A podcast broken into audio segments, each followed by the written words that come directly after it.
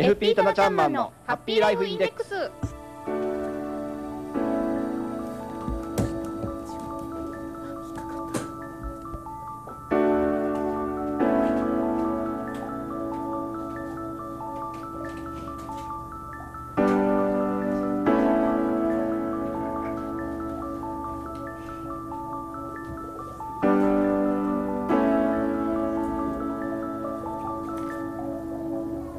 FP タナちゃんマンのハッピーライフインデックス。この時間はあなたの夢と未来をトータルサポートするライフサポート有限会社の提供でお送りします。私たちと一緒に明るい未来幸せな生活になるためのマネーライフを考えてみませんか？この番組では皆さんからの疑問質問も受け付けています。宛先は浜園専用アドレス hama@ p-wave.ne.jp ハマアットマーク p-wave.ne.jp です。タナちゃんマンへのいろいろなメッセージなどもぜひお待ちしております。さあそれでは早速今日も一級ファイナンシャルプランニング技能士ライフサポート有限会社代表のタナちゃんマンを呼んでみましょう。タナちゃんマン。はいこんにちは。棚橋です。今日も素敵な笑顔とそしてキリリとしたスーツ姿で登場していただいてますけれども、はい、ありがとうございます。はい。タナシャマンの姿をねあのぜひ公開生放送なんで皆さんも見に来てほしいですよね、ね、浜園ターミナルのサテライトスタジオまで、はい、はい、お待ちください。お待ちしてます、さあそれでは早速今日のテーマですが今日ははい、そうですね。えっ、ー、と来週からいよいよ確定申告の受付が始まりますので、えー、先週に引き続き確定申告のお話をしていきたいと思います。もう来週からなんですね。そうですね。早い。早いですね。一年早すぎです。年を取った証拠でしょうか。そうなのか。そういうことか。いや確定申告。そうそうあのなるべく早めにね行かれた方が、ね。ね、あの先週もねあのお話をさせていただきましたけれども、はい、えー、還付を受けるための申告はもうすでに始まっておりますのでね、はい、あのサラリーマンの方などの、えー、申告の多くの方は、はい、ねあの還付申告だと思いますので、ええ、もう空いているうちに今のうちにお済ませいただければなというふうに思います。はい、はい、えー、サラリーマンの方還付申告はもちろんなんですけれども、はい、あの会社などで勤めている所得のある方でも、はい、確定申告必要があるというのをお聞きしたんですが。そうですね、はい。あの企業所得者の方はですね一般的にはあの年末調整ですべて終わっておりますのでね、はい、確定申告必要ないんですけれども、はい、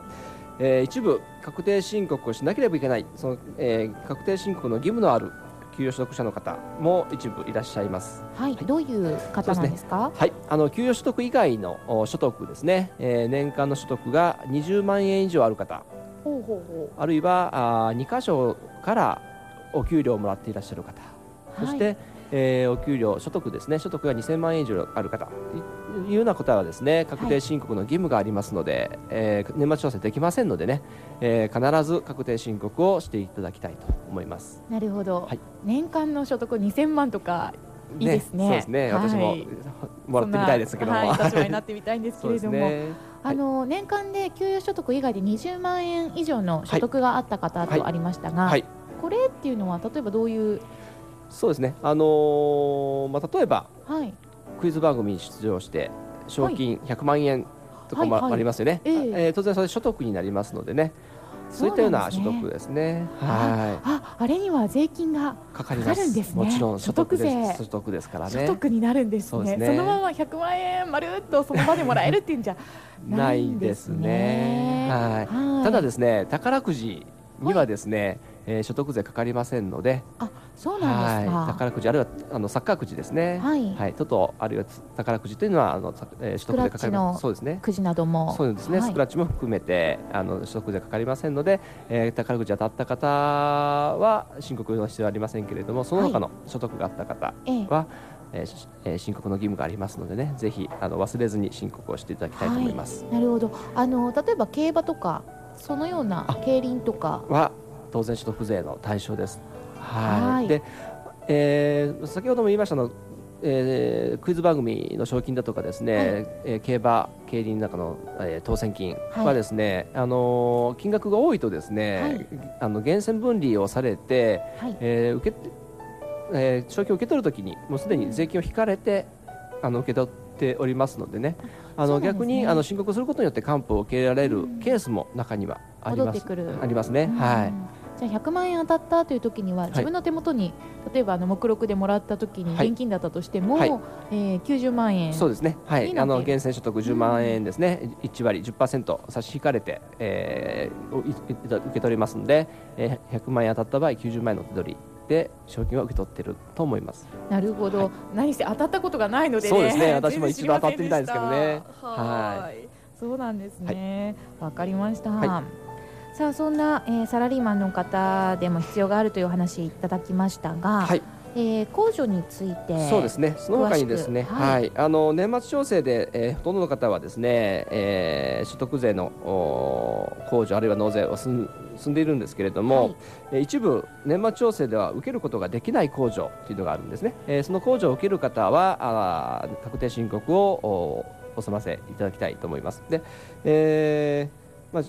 控除を受けるための申告ですので、えー、確定申告しなければしなかったで済んでいっちゃうんですけれども、はい、あの税金やっぱり高いですからね。せっかく控除できるものであれば、ね、確定申告面倒くさがらずに、はい、えー、確定申告を行って控除を受けていただきたいと思うんですけれども、うん、じゃあどんな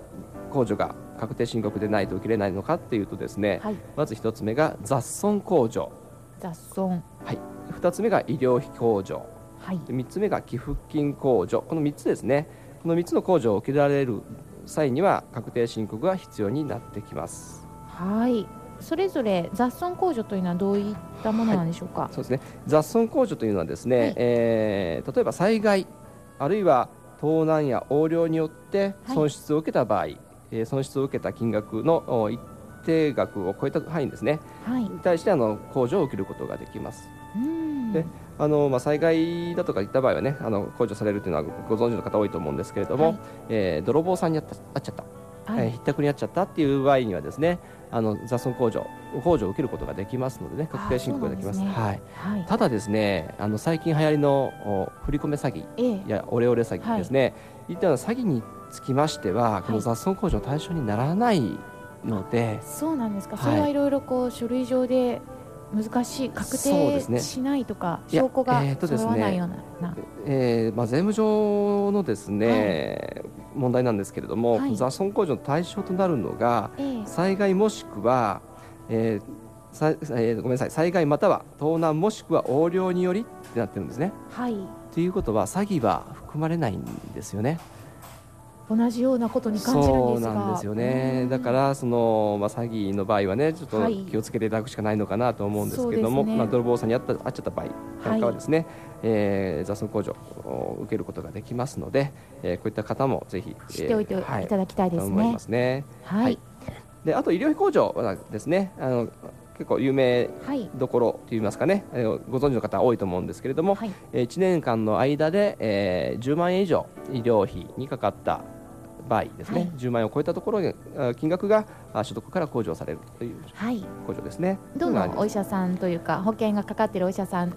でもはい、合わせてです、ね、そうですね。合わせて、えー、お医者さんに払ったお金。そして、えー、薬局で薬を買ったお金。そういったものも対象になりますし、えー、病院に通うためのですね交通費なんかもかかってきます、まあ、これはガソリン代とかちょっと無理なんですけれども、はい、公共交通機関を使用した場合あるいは緊急の、救急のためのですねタクシー代なんかもこの医療費控除の対象にはなってきます。なるほど、はい、はい、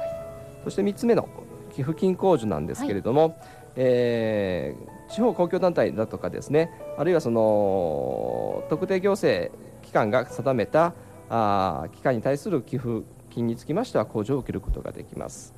はい、はい、ただしですね日本泥講団だとか宗教法人あるいはあ私立の学校にですね入学する際に入学金と寄付金という形でのね、ねはい、あると思うんですけどもこういった寄付金につきましては寄付控除、はい、寄付金控除の対象にはなりませんのでねご注意いただきたいんですけれども、はい、えー、例えばあ日本赤十字社ですねだとかあ育英会に対する寄付金というのはこの寄付金控除の対象になりますので、ね、そういったところに寄付をされた方はあ確定申告で、えー、控除を受けていただければなと思います。はい。わかりました。控除についても、えー、3つの種類を詳しく説明していただきました。ありがとうございます。はい。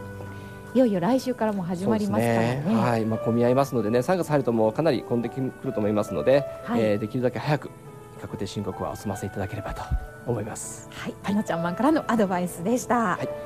さあこの FP タナちゃんマンのハッピーライフインデックスでは皆さんからの疑問質問も受け付けていますので、ぜひえー、ハマアットマーク p ハイフンウェーブドット ne ドット jp までお寄せください。またあのタナちゃんマンが開催している幸せマネー教室。はい。えー、こちらもあります。無料なんですが、次回は、はい、次回は？今週の土曜日16日ですね。おもうすぐですね。はい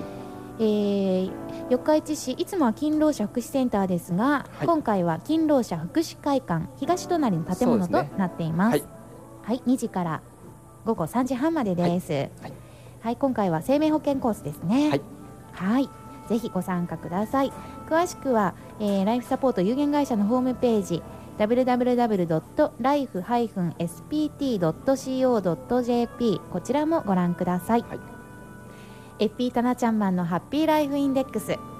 この時間はあなたの夢と未来をトータルサポートするライフサポート有限会社の提供で浜園サテライトスタジオよりお送りしました。タナちゃんマン今日もありがとうございます。ありがとうございました。また来週お会いしましょう。はいどうも失礼いたします